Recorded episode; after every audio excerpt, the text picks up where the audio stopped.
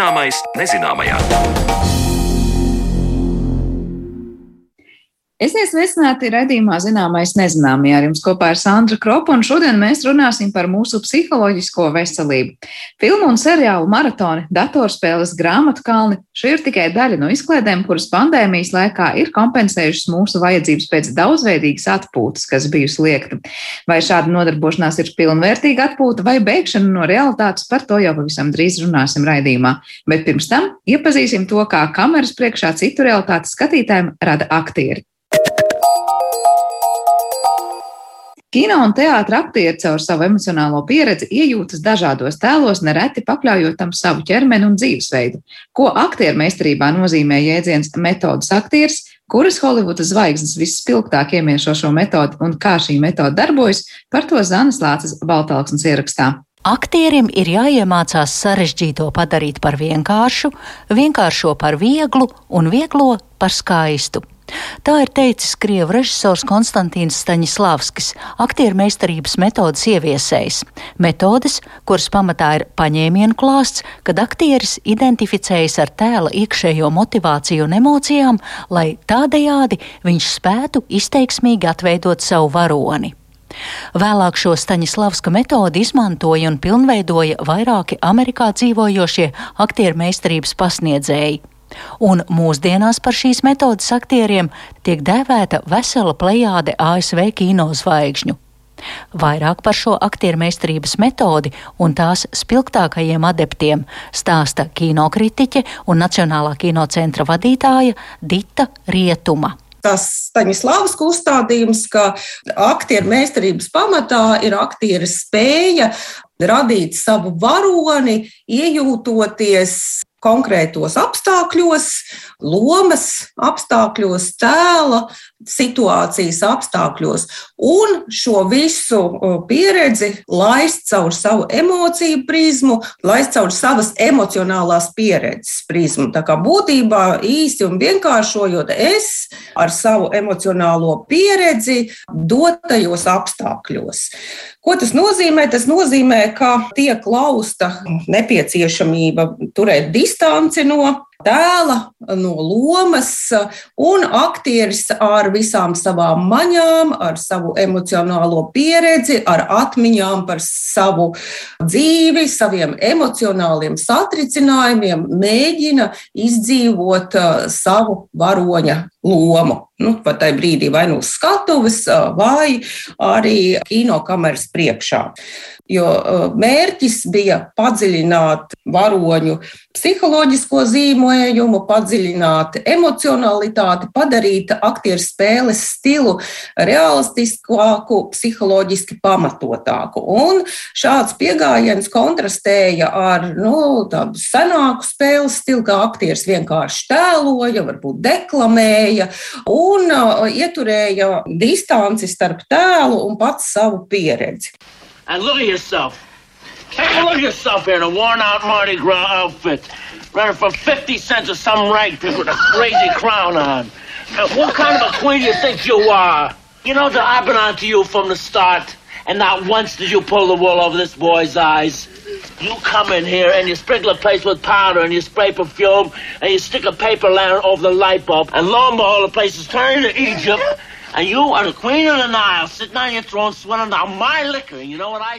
Šajā fragmentā dzirdējāt amerikāņu aktieri Marlonu Brando Stenlija Kovaļska lomā 1951. gadā uzņemtajā filmā Ilgu tramvajs. Šis aktieris tiek dēvēts par vienu no spilgtākajiem minētās aktieru meistarības metodas lietotājiem. Tāds pamatīgs metodas aktieris ir Marlons Brando, viens no izcilākajiem 20. gadsimta otrās puses amerikāņu aktieriem, kurš tiešām prata izmantot šo metodi vai šo spēju pārtapt savā tēlā, izmantojot gan savu emocionālo pieredzi, gan arī arī akcentējot kaut kādu psihoemocionālo transformāciju visā tajā laika posmā, kamēr tiek strādāts pie konkrētā tēla vai pie konkrētās lomas. Taču ir arī speciālisti, kas uzskata, ka tas nebūtu nav profesionāli, ja aktieris visu laiku neiziet no savas lomas, ka viņš šo psihoemocionālo transformāciju veids tādējādi, ka visu laiku ir lomā un, teiksim, arī saglabā šo citu identitāti, piemēram, filmēšanas starplaikos. Skatot zināmākos piemērus par aktieru pilnīgu iemiesošanos savos tēlos, varam lasīt par to, kā Adrians Brodijs ir zaudējis 13 kg svara, lai iemiesotos Varšavas geto novārdzinātā ebreju lomā filmā Pianists vai Renē Zelvegere, kura uzresnēja, lai filmētos kā britu tuklīte Bridžits Džonsa, vai Ramī Maleks, kurš gadu pirms filmēšanas ir nesājis zobu plati, lai tādējādi iejustos dziedātāja Fredija Merkūrija tēlā. Kino vēsturē ir jā, tiešām daudz un dažādi stāsti, kurus presa ļoti mīl, kuri arī tiek izmantoti kā publicitātes materiāls, lai popularizētu konkrētās filmas un konkrēto aktieru konkrētajā filmā. Un šie stāsti arī ļoti patīk Amerikas Kino akadēmijas balvas Oskars piešķīrējiem un Amerikas Kino akadēmijas biedriem, kuri parasti ļoti atzinīgi novērtē šādas radikālas aktieru transformācijas lomā. Bet es gan gribētu, ja man jāmin aktieris, kurš ir iespējams visprecīzāk un visfanātiskāk mēģinājis pārtapt ikvienā savā lomā vai tēlā, tas būs nevis kāds amerikāņu aktieris, bet gan britu aktieris Denis Dejs Lūis, kurš šobrīd jau ir pašpasludinātā pensijā, tad viņš vairs aktīvi nefilmējās jau kādus gadus, četrus, piecus. Tieši Daniels Dejs Lūis bija tas, kurš saglabāja savu klātesamību lomā, te visas filmēšanas garumā. Kā tāds ļoti ekstrēms piemērs tiek minēta filma Man kreisā kāja. Nu, tā jau ir pasen tapusi filma, ko veidoja britu režisors Džims Sheridans. Un galvenais varonis šajā filmā bija invalīds, cilvēks, kuram ir uh, liekta spēja gan pilnvērtīgi sarunāties, gan pārvietoties. Un uh, Daniels Dejs Ļujs tiešām gatavojoties lomai, pavadīja visu to filmēšanas laiku ratiņkrēslā.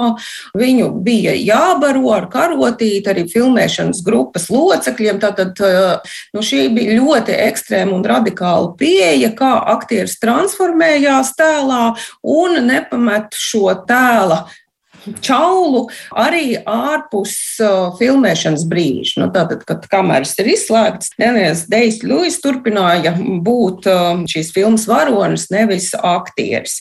Un ir arī uh, līdzīgi piemēri, tas pats uh, aktieris arī radikāli novājēja lai spēlētu politisko aktīvistu filmā. Tēva vārdā, tā ir 90. gadu sākuma filma. Viņš arī veids pamatīgu izpētes darbu un arī transformēja savu ķermeni, gatavojoties Abrahama Linkolna lomā, filmā Linkolns, ko režisēja Spielbergs. Un šeit es gribētu nocitēt Spielberga izteicienu, tad pasaules slavenā režisora Stevena Spielberga izteicienu, kuru kāds žurnālists bija lūdzis komentēt komentēt Daniela De Luisa aktieru spēles stilu, to, kā viņš ir transformējies, gatavojoties Amerikas prezidenta Linkolna lomai. Un Spilbergs ir atbildējis šādi: Es nekad neskatos mutē dāvātam zirgam. Es nekad neesmu vaicājis Danielam Deju Luisam, kā viņš ir sasniedzis šo konkrēto rezultātu. Es pat negribu to zināt. Nu, es domāju, ka šāda Stevena Spilberga atbilde liecina arī par to, ka būtībā neviens teorētiķis un pat neviens režisors īsti nezina, kā strādā šī ļoti smalkā uh, mehānika, aktiera pārtapšana tēlā un ko tas aktieris dara, lai viņš patiešām pārtaptu tēlā, Ja varbūt vienkāršākais pat ir transformēt savu ķermeni, nēst vai ēst daudz kaut kādu laiku posmu, bet šīs visas emocionālās pieredzes lietas, nu, mēģinājums atcerēties kaut kādus traģiskus notikumus no savas dzīves, savas pieredzes, lai, teiksim, panāktu dramatisku kulmināciju, spēlējot kādu noteiktu varoni kameras priekšā, nu, tas ir abrīnojams smalks mehānisms, un es domāju, ka tiešām visprecīzāk šo visu var izstāstīt un paskaidrot ne tikai aktieris, bet tāds aktieris, kurš ir arī apguvis aktieru uh, meistarības teoriju un spēja uh, saslēgt savu praksi ar kaut kādām teorētiskām nostādnēm. Aktiera darbs būtībā slēpjas divās jomās - spējā konsekventi radīt realitāti un spējā šo realitāti izteikt. Tā ir sacījis amerikāņu aktiermākslas pedagogs Līs Strasbergs, un turpinājumā īsa intervija ar Latvijas Nacionālā teātra aktrisi un režisori Ināru Slutsku, kura ir lasījusi, pētījusi un apguvusi vingrinājumu kopumu, kas ir nepieciešams minētās aktiermeistarības metodes izkopšanai. Tās metodes, ar kurām es kinoskolā kad es sāku, laikam, pirmā metode, ar kuru es iepazinos pateicoties Lizai Ehornai, kas bija mums atbraukusi no Anglijas un kas tieši mums apmācīja šo metodi. Un tad es sāku arī lasīt un skatīties šos vingrinājumus. Un tas lielais atklājums, kas man bija, tas, kas galvenais, bet atkal es saku, tas ir priekš manis. Tas ir, protams, ka viņam visu pamatā ir impulss, ka vārds tas ir impulss. Tā ir psihofiziskā sajūta, emocionālā sajūta, gribas darbība, un tad vārds iet impulsā. Par vārdu, kā mēs viņu izrunāsim, nekad nedrīkst domāt. Galvenais, ko mēs gribam, un šī apstākļi, vide, sajūtas, viss kopums. Un tad vēl viena interesanta lieta, ko arī mēs mēģinājām, tas nozīmē atkal atsaukt psihofizisko atmiņu, piemēram, vingrinājums, ka tu aizver acis un nu, ka tev kaut kur spīd saule no kaut kurienes. Un gala rezultāts bija tāds, ka kinoskolā pēc gada apmēram mums daži studenti, viņiem tiešām, lai gan nodarbības arī bija ziemā, nosvīda pieri un rokas. Tā kā tā ir interesanta tāda lieta. Un vēl viņam ir saucamie emocionālie muskuļi, ko viņš arī uzskata, ka tas ir tāda tehniska trenējuma lieta. Aktieru meistarība ir tehnika daudzajādā ziņā. Tāpat kā operas dziedātājs balsi attīsta, nu, tas pirmām kārtām tā ir tehnika, tas, ko es uh, saprotu ar aktieru meistarību. Un tas ir stipri jāapgūst. Jo nevelti Kevins Spēsīs Londonas teā, Oldvika teātrī, viņš bija, es redzēju Ričārdu III, kas bija projekta teātris un izrāda ilga trīs stundas. Un šī izrāda, kura ir ārprātīgu enerģisku jaudu, kurā viņš ir gan kroplis, gan traģisks, gan komisks, gan emocionāls. Un viņš spēlēja pa divām izrādēm sestdien, svētdien un pirmdiena bija brīva, un otrdien, trešdien, ceturtdien, piekdien. Un tas ir mēnesis, un to nevar izdarīt, ja tev nav aktieru tehnika. Tas vienkārši nav iespējams. Par aktieru meistarības metodēm stāstīja kinokritiķe un Nacionālā kinocentra direktore Dita Rietuma un Latvijas Nacionālā teātra aktrise un režisore Ināra Slūcka. Bet raidījuma turpinājumā pievēršamies tam, kā pandēmija ir veicinājusi mūsu pieķeršanos mājās pieejamiem atpūtas veidiem, tostarp TV seriāliem.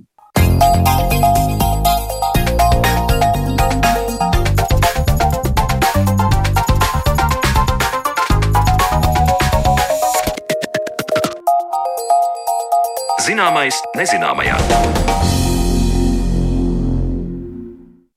Te jau divi gadi pandēmijas noskaņās nevienam vien cilvēkam liek meklēt veidus, kā sevi izklaidēt, atpūsties un atslēgties no ikdienas. Ņemot vērā ierobežojumus un regulārās mājasēdes, šī izklaide visbiežāk ir turpat mājās, nereti pie ekrāniem. Šodien mēs raidījumā runāsim par bēgšanu no realitātes, jeb to, kā spēlējot datorspēles, skatoties seriālus un filmas vai vienu pēc otras lasot grāmatas, mēs cenšamies patvērties citā realitātē. Vai tā ir veselīga nodarbe un kas notiek mūsu smadzenēs? Mēs, kad pazūdam šajā TV un datorspēļu pasaulē. Par to mēs šodien runāsim ar mūsu attālinātās studijas viesi. Pie mums šodien viesos psihoterapeits un Rīgas Tradiņu Universitātes psihosomatiskās medicīnas un psihoterapijas katedras docents Artūrs Utinants. Labdien! Labdien! Nu, Mājasēdes laikā, kā jau es te teicu, daudz kas ir pārcēlies teikt, uz, uz digitālo pasauli, uz virtuālo pasauli no tā, ko citādi varbūt mēs darītu klātienē. Un vai mēs neesam nonākuši tādā brīdī, ka, nu, ja līdz šim mēs būtu teikuši, nu, iet uz teātri, tas ir apsveicami, bet tad, kad ja cilvēks katru vakaru skatīsies teātri vai izrādes vai filmas otru pusi ekrānam, mēs teiksim, nu, viņš ir ieslīdis kaut kādā varbūt um, ekrānu atkarībā un vada savas dienas varbūt nu, ne tā, kā vajadzētu. Kur tad ir tā robeža, kad veltīt dažādas izklaides, um, atrast izklaides, nezinu, internetā ir labi un kad jau tas ir slikti? Vispār, lai iesāktu eh, tādu tēmu kā bēgt no realitātes, eh, ir jānoskaidro, kas ir realitāte. Eh, kur es pat varbūt neiedziļināšos, bet, bet teiksim tā, vienkāršot izteikšos, no vienas puses realitāte mēs to varam uztvert kā cilvēka ikdienas dzīves uzdevumi un dzīves mērķi, kādi viņam ir Un otra lieta ir cilvēka iekšējās vajadzības, jeb tā saucamās biosociālās vajadzības.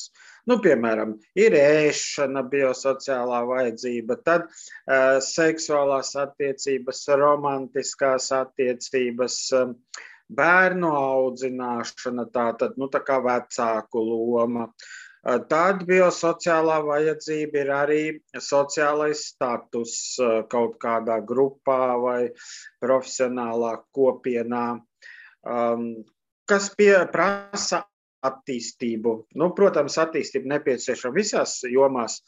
Attīstība gan romantiskajās attiecībās, gan vecāku funkcijā, gan arī sociālajā statusā. Un tad ir arī kaut kāda piederība grupai, nu, ko nu mēs ar to grupu varam vien izdomāt. Etniska grupa, reliģiska grupa, profesionāla grupa, draugu kaut kāda kopa pēc kaut kādām interesēm, tur kā koris, dejošana vai vēl kaut kas. Uh, nu, un, uh, un tad arī nebeidzamajā vietā atpūta, aktīva atpūta, izklaide. Uh, Principā psihiskai veselībai ir vajadzīgas visas šīs lietas. Ja? Tātad tieši šīs vajadzības uzstāda mums kaut kādus dzīves mērķus.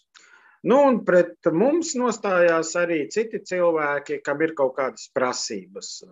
Nu, tas ir, tas ir ārējās realitātes prasība. Kaut ko vajag mūsu partnerim, kaut ko vajag mūsu bērniem, Kaut ko vajag darba kolēģiem, kaut ko vajag priekšniekiem, kaut ko vajag draugiem. Nu, tā mēs miedarbojamies. Savas vajadzības mēs tur sakombinējam ar to citu cilvēku vajadzībām, eh, kas mums stājas pretī.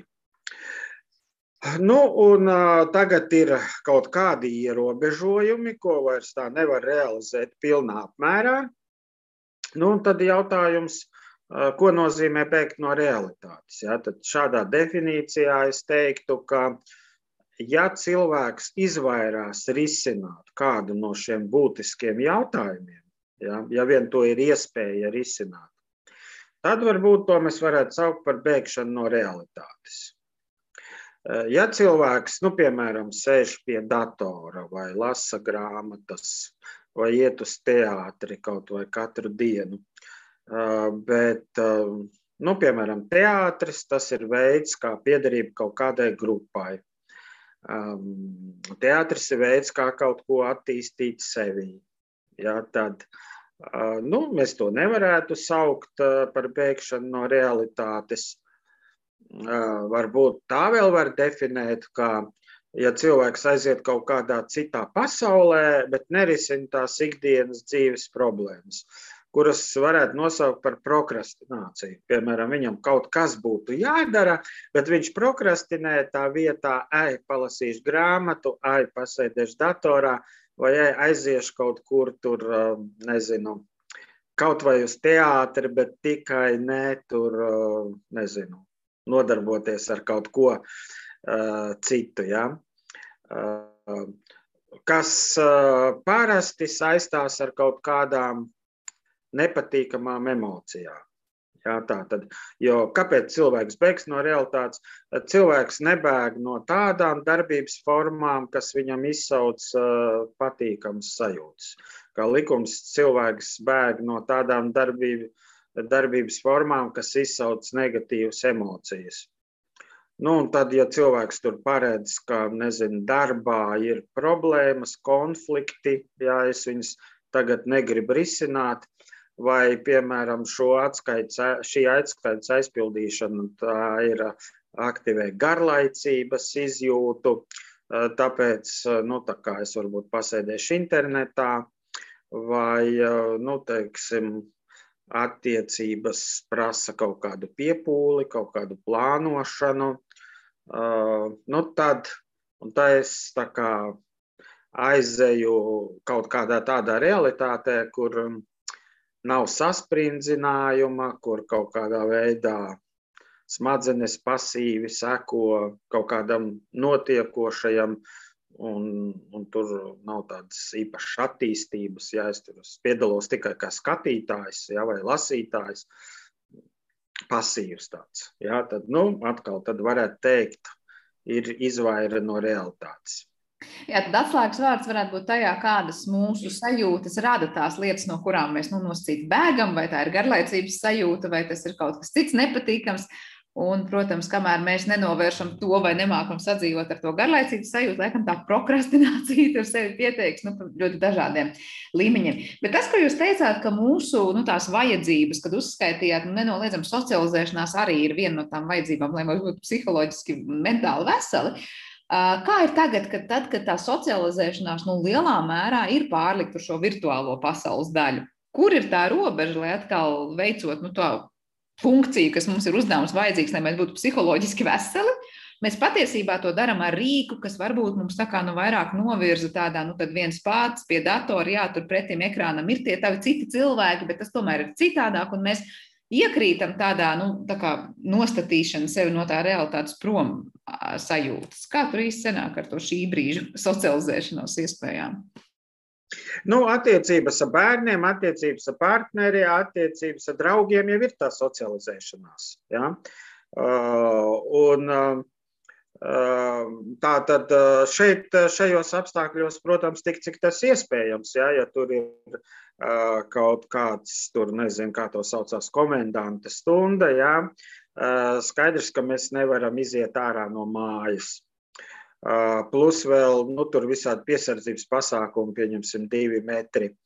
Um, Un tad eh, nu, cilvēkiem varbūt ir tāda tendence atmest eh, tādas komunikācijas mēģinājumus vispār. Jā, kaut gan var iet brīvā dabā jā, un, un komunicēt, eh, jā, kaut arī ir divu metru distance. Ehm, tā tad nu, tas, tas būtu, ka uztver to kā tādus papildu apgrūtinājumus, kā būtis, papildu apgrūtinājumus, ja, kā būtisku šķērsli, e, ka tad nav vērts mēģināt. Bet tajā brīdī, kad mēs, piemēram, teiktu, nu labi, šeit ir tā robeža, ka mēs saprotam, cilvēks bēg no tās realitātes, kā jūs sākumā definējāt, jau atbilst visam tam, ko minējāt. Kas ir tas sliktais, kas notiek ar mums tajos brīžos, kad mēs nu, izvēlamies uz to brīdi to savu problēmu, vai darbu, vai nepieciešamo uzdevumu veicamo neredzēt, nedzirdēt, nemanīt un izvēlēties, nu, padzīvot mazliet citu dzīvi, vienalga, vai tas ir tas, kas ir filmā vai seriālā, vai nu, dzīvot līdzi kādam, kas nav mana dzīve.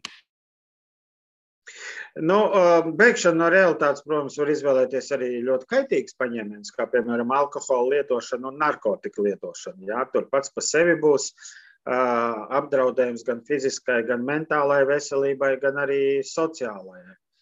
Um, nu, otra lieta, ja tas ir uh, kaut kādas, nu, teiksim, tur seriāli ja, un citas filmas, uh, tad uh, jāatcerās, ka uh, Kaitīgais ir tas, ka cilvēks to dara pārāk daudz. Ja? Nu, bērns arī ar pirms Covid laikā, nu, ja pat daudz sēdēja internetā ja? un tajos gadžetiņos, um, viņi neapgūst citas iemaņas. Ja? Tanī laikā neapgūst citas iemaņas. Kaut vai tas pats.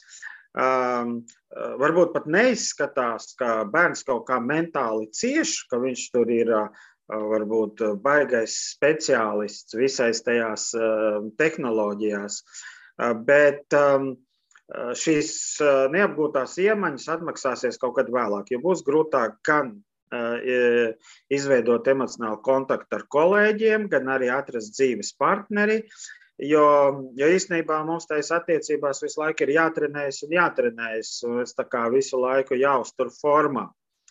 Un arī pieaug, šiem cilvēkiem, kaut arī viņi uh, ir kaut kādas iemaņas, uh, teiksim, apguvuši, uh, nu, ja pārstāja kaut ko darīt, jā, tad šīs iemaņas sāk um, izbālēt. Ja? Un tas attiecās arī uz sociālajām un komunikācijas iemaņām. Jau tā kā sastopot cilvēkus, jau grūtāk izdomāt, par ko runāt. Jā. Un arī nav bijuši nekādi tādi baigi raibie piedzīvojumi. Mājās vien sēdēju, ja skatījos seriālus, nu, ko es stāstīšu, seriālu sižetu. Jā. Tā tad līdz ar to nu, neironiem, smadzeņu neironiem ir arī tāda funkcija, ja viņas neizmanto, viņi tā kā ierūsē ir kaut kādas iemaņas, kas turās diezgan ilgi. Tur tāds profesionāls, piemēram, mūziķiem. Viņiem pat var iestāties, tā sakot, vecuma demence, bet viņi var joprojām spēt turpināt spēlēt klavieru. Vai arī mm, nu, tādas iemaņas kā braukt ar velosipēdu vai vienkārši iet, viņas nu, tā tik viegli neizzūd bet savukārt tieši tā komunikācijas ziņā sajust cilvēku, tur mm, sajust viņa noskaņojumu, saskaņot kopā savus noskaņojumus. Ja, tur, tur tāda empātijas izjūta var diezgan tā, mm, samazināties. Ja. Plus, jā, problēma ir tā, ka cik interesants ir tās lietas, ar ko mēs ikdienā tur tai savā mājā nodarbojamies. Jo, jo es saku, ja cilvēks ir ļoti šauri, nu, piemēram, viņš skatās vienu un to pašu seriālu, nu, labi, divus, trīs seriālus, ja, dažādas. Bet tas nav pietiekoši tā, tāda tēma sarunas uzturēšanai. Ja mēs runājam par tiem gadījumiem, savukārt, kad, nu, ja to vispār var nosaukt par pēkšņu no realitātes, protams, nu, proti, izdzīvot citas stāstu, vienalga, vai tas ir seriālā, vai filmā, vai teātrī izrādē, Kur tur ir tas, nezinu, labais vai sliktais, ko mūsu psihe no tā gūst? Varbūt atkal ir kaut kāda, nezinu, spriedzes mazināšanas tehnika, kas strādā, ja cilvēks aiziet un tagad paskatās, nu, cita cilvēka dzīvi izdzīvo, es nezinu, traģisku vai netraģisku, bet tomēr nu, viņš tā kā paralēlo kaut kādu stāstu savai, savai galvā iedod. Ko tas nozīmē? Nē, nu visādā ziņā seriāla skatīšanās noteikti ir daudz veselīgāka. Nu, varbūt izņemot acis, jā, par tur, nezinu, alkohola lietošanu. Um, bet skatoties, cik jēgpilna tā ir.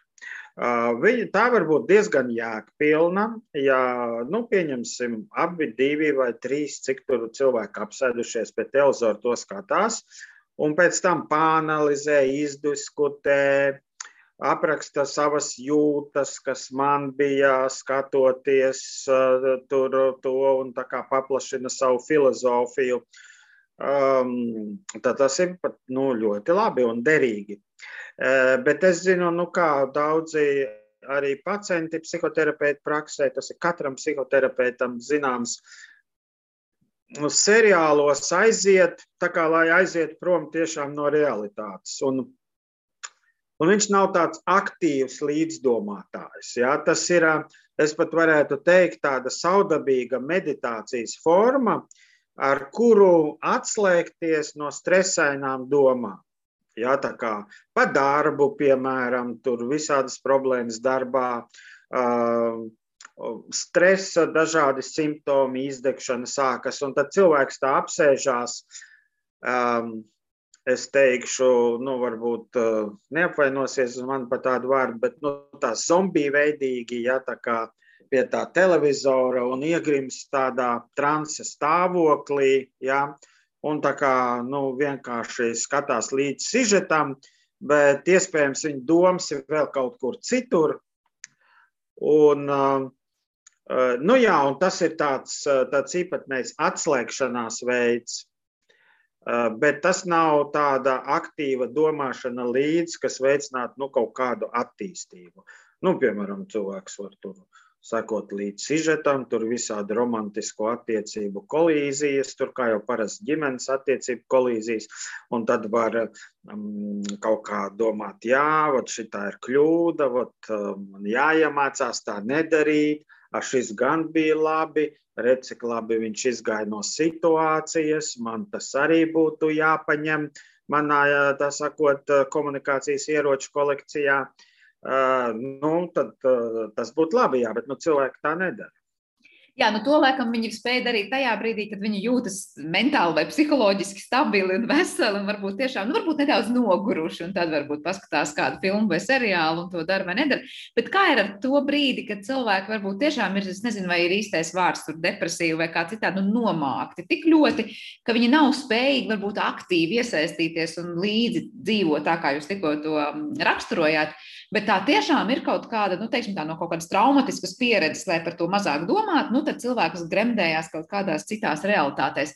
Viņi atslogo kaut kādā brīdī to savu psihi un izdara kaut ko labu, vai tas ir tāds mānīgs eh, palīgu līdzeklis, kas patiesībā vairāk ievelk kaut kādā pēc tam apātijā nekā vēlmē izri, iznirt no tā visā ārā.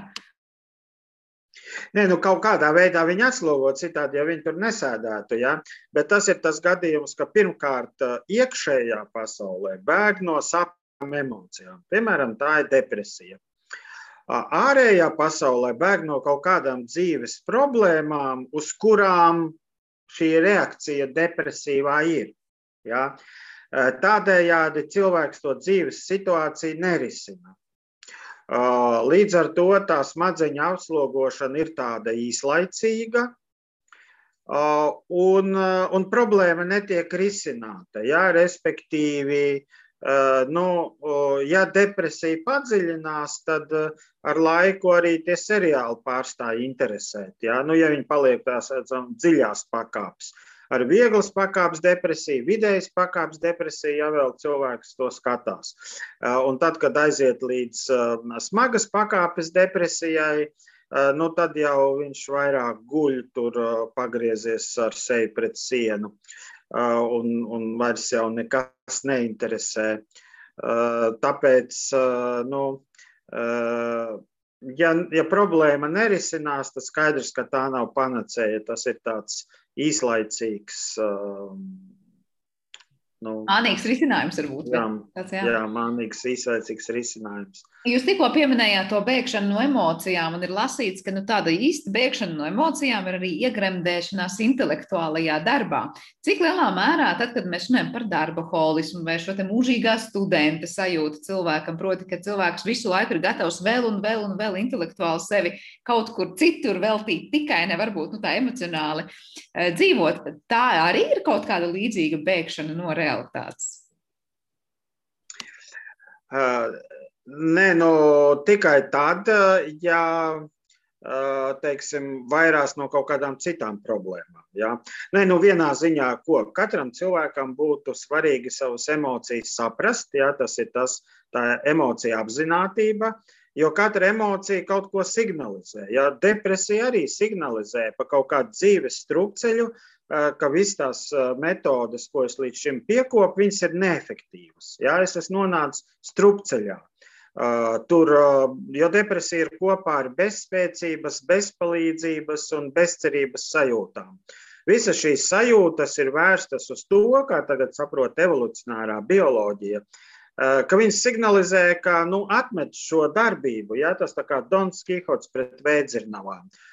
Ja? Viņi ieslēdzās nu, viņi liek taupīt enerģiju. Vat šitā turpināt, nu, nav jēgas, priekš kam tu tērē enerģiju. Ja? Ir jā, jāpamaina pieeja, piemēram, ja? vai, vai cita emocija, kaut kāds dziļš aizvainojums. Uh, nu, viņa signalizē, tur, teiksim, ka man ir nodarīts pāri. Uh, protams, ka vai, vai piemēram, vainas apziņa, ka es kādam esmu nodarījis pāri. Ja? Tā tad uh, kauns, ka es kaut ko nemāku, kaut kur esmu izgāzies. Visi tie ir signāli, kas man uh, pasaka, ka kaut kas ir jādara. Ja? Vai nu man ir jārunā ar to cilvēku, vai kaut kā jāmaina tā situācija, lai man nedara pāri, vai arī man ir um, tur uh, kaut kā jānolikvidē tas uh, kaitējums, ko es esmu otram nodarījis, ja tā ir vainas apziņa. Ja tas ir kauns, nozīmē, man kaut kas ir jāiemācās. Nezinu, tur sociālās iemaņas vai tur. Um, rituālus pie galda, vai, vai teikt, normālu humoru, nevis kaut kādu tur uh, neadekvātu, jā, vai, vai kaut ko vēl jāiemācās. Tā tad uh, ir ļoti svarīgi vi, visu to ņemt vērā. Uh, protams, tās emocijas, viņas ir tādi akli, aklas smadzeņu programmas, Viņas var arī pārspīlēt. Ja? Tāpēc tagad to emociju apziņotību salīdzina ar tādu dūmu detektoru. Ja? Dūmu detektors domāts, lai signalizētu ugunsgrēku, viņš ņem un ieslēdzās, ka mēs cepam pankūkas. Ja? Un, um, un ir nepatīkama sajūta. Uh, un tāpēc jāmāk atšķirt, uh, vai šajā gadījumā ir ugunsgrēks, uh, piemēram, pa to līniju, pa ko tā emocija signalizē, vai tas ir pārspīlēts signāls situācijas katastrofizācija, piemēram. Tāpēc Tāpēc ir, ir nepieciešams pirmkārt tajās emocijās iedziļināties, un, un viņi arī prasa, katra emocija prasa kādas situācijas risinājumu. Jā, tur dusmas, tur novākt kādu šķērsli, tur savu vajadzību ceļā.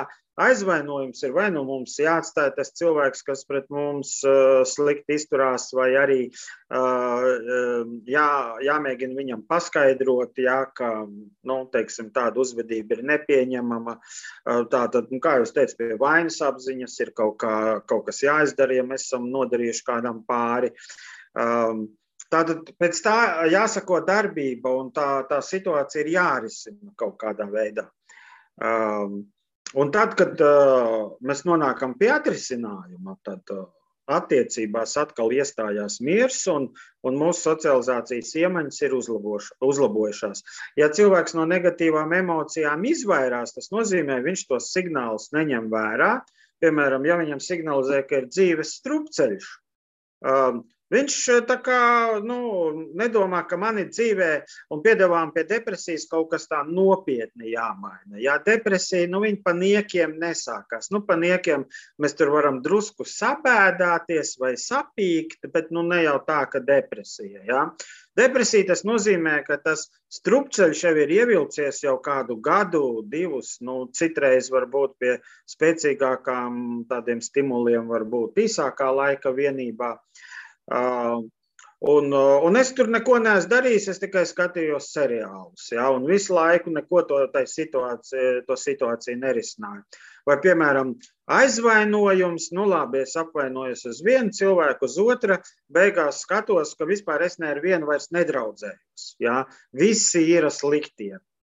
Um, nu, aizvainojums vienā ziņā ir priekš tā, lai no sliktiem cilvēkiem distancētos, bet no otras puses arī, lai komunicētu kaut ko, ka, piemēram, kas neapmierina. Jā, jo, jo iespējams tie cilvēki, kuriem es piedēvēju to slikto kvalitāti, viņi nemaz neapzinās, ka, nu, piemēram, viņi nodarījuši pāri. Daudz no viņiem domāja, kā labāk, jā, bet nu sanāca kā vienmēr. Um, tā kā, nu, ir, ir, ir tāds teiciens, ka nevajag interpretēt ar ļaunumu to, ko vienkāršāk būtu interpretēt ar muļķību vai nezināšanu. Ja? Un tas cilvēks vienkārši kaut ko nezināja, ka mums tā lieta ir baigi vērtīga un, un, un, un, un tam līdzīga. Vai citi cilvēki pavada tur vainas apziņā, sevi šaustot mēnešiem ilgi. Ja? Vai tas pats aizvainojumu pārgremojot mēnešiem ilgi.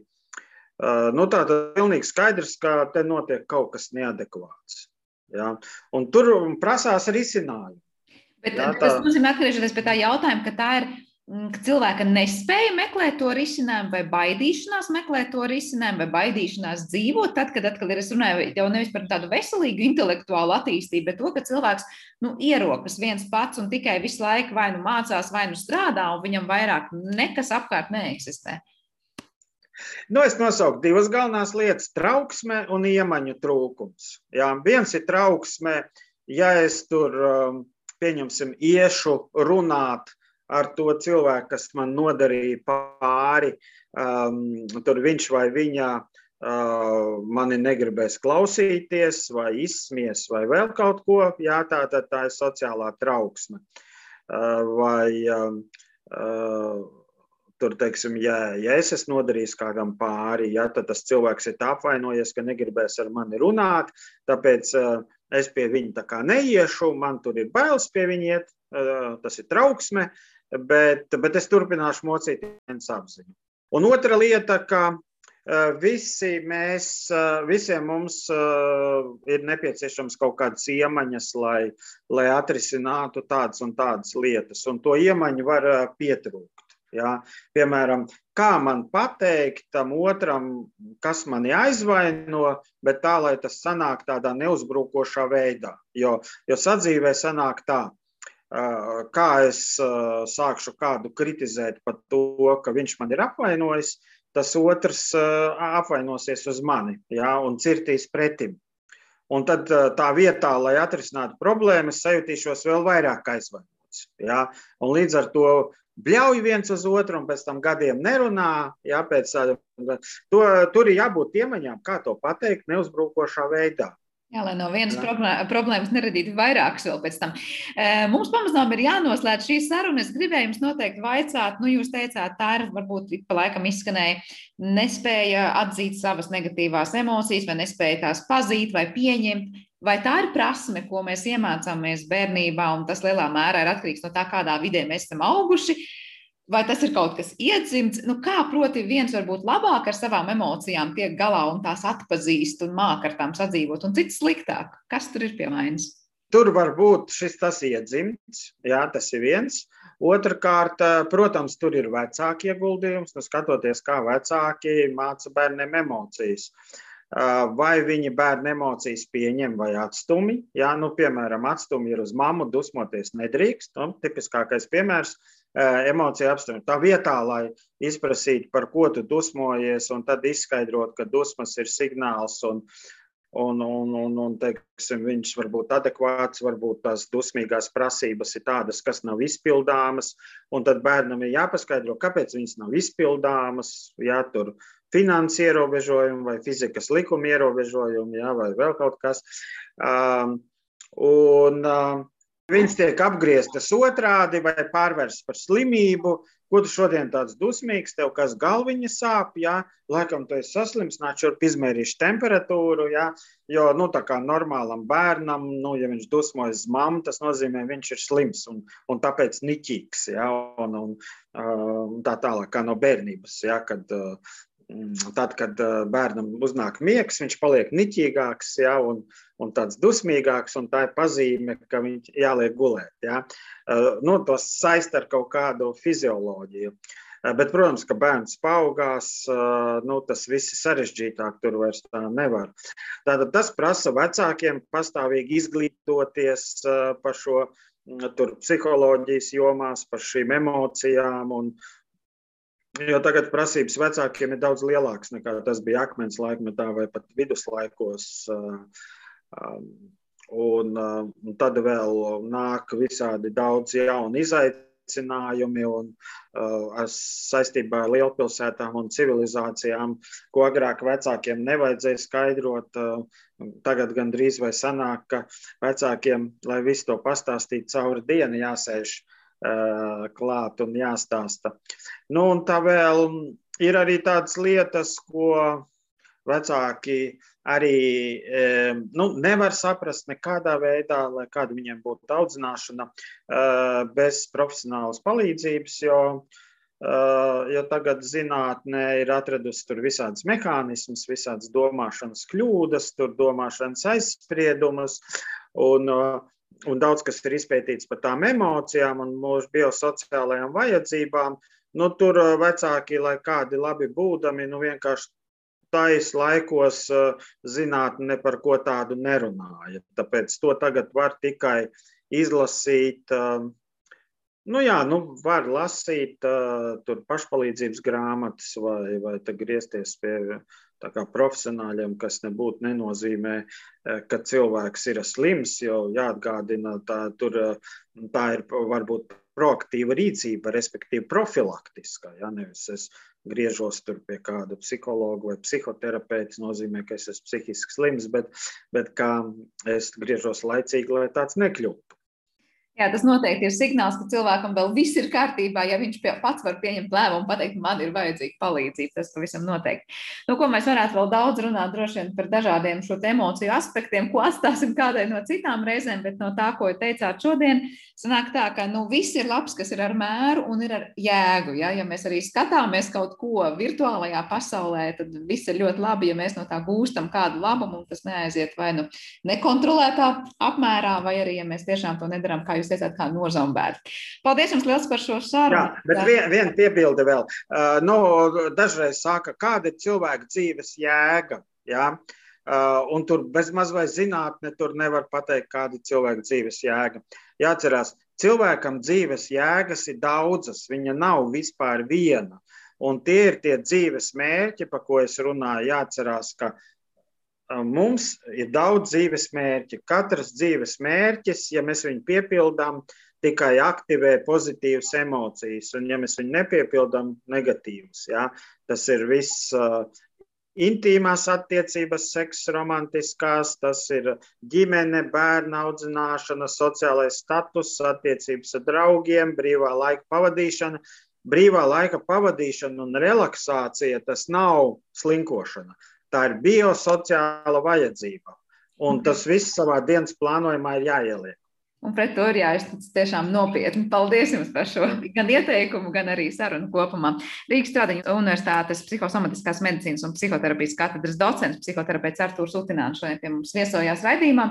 Ar to arī tas ir izskanējis. Paldies visiem par klausīšanos un uz tikšanos!